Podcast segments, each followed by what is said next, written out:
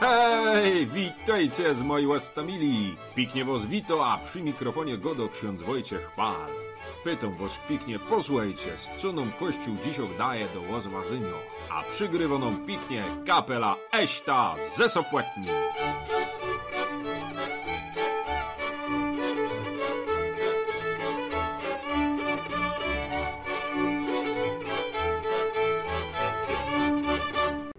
Dziś moi łostomili mamy 19 niedzielę. Posłuchamy sobie Ewangelii od łobuzy na jeziorze ze 14 rozdziału od świętego Mateusza. Potem będzie gotka o Jaśku Pijocysku, co się nawrócił. No i na koniec to jest moje łazłazanie. Pikniowo zapraszam. Posłuchajmy sobie Ewangelii.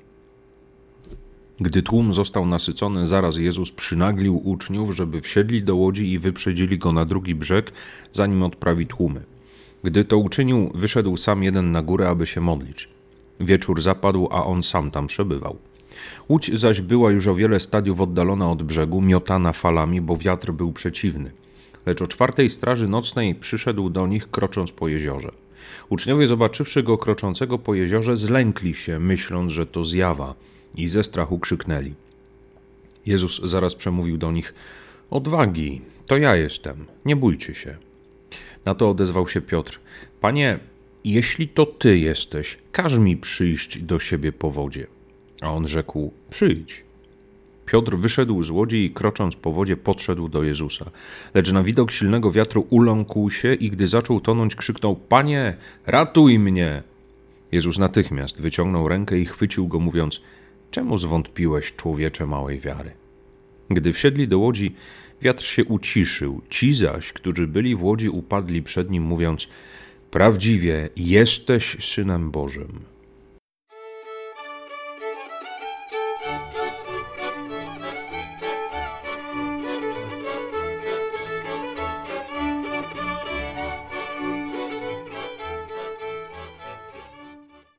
Gotka łojaśku pijocysku, co się nawrócił. Widzicie, jednego dnia Jasiek pijocysko obudził się strasznie głodny, a ze do pierwszego było jeszcze trochę poseł do sąsiadów na zebry. Pierwsza sąsiadka zwołała go, a idź mi stąd, roboty się chyć. No to zaseł dali do kuma, no ale kum zachrypnięty padł, nimum tyzek przepił. U kuzynki zaś w trzeciej chałupie myślał, że co dostanie, no ale ta ino rzuciła mu z odrazą pijocysko i trzasła drzwiami mu przed nosem. Jasiek cłapał zmęczony do czwartego sąsiada.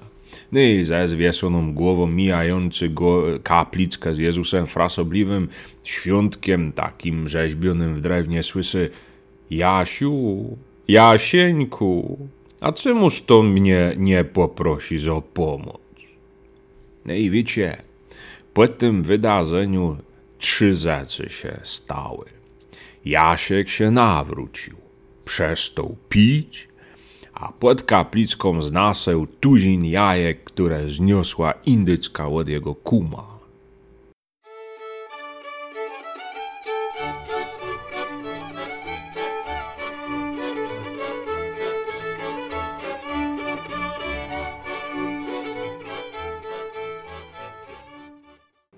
Na pierwszy rzut oka Jezus, przynaglający uczniów, żeby wypłynęli w tę burzę, w ten sztorm, testuje ich. Ale Jezus genialnie pokazuje im inną rzecz. Mieliście fajnie i łatwo, bo przed chwilą pomogłem wam rozmnożyć chleb i nakarmić tłumy. A teraz zobaczycie, jak to jest, gdy mnie nie ma.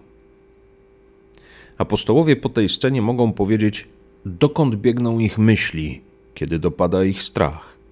Czym koją strach, gdzie szukają ratunku? Czy się poddają, bo brakuje sił, czy szukają sił we współpracy z Bogiem? Apostołowie po tej scenie na jeziorze wiedzą, jak się zachowują, kiedy nie są pod płaszczykiem ochronnym Jezusa. Ta scena jest bardzo wychowawcza dla uczniów, zwłaszcza Piotra. Pokazuje ona, czy potrafią ufać Jezusowi, czy tylko za nim chodzą.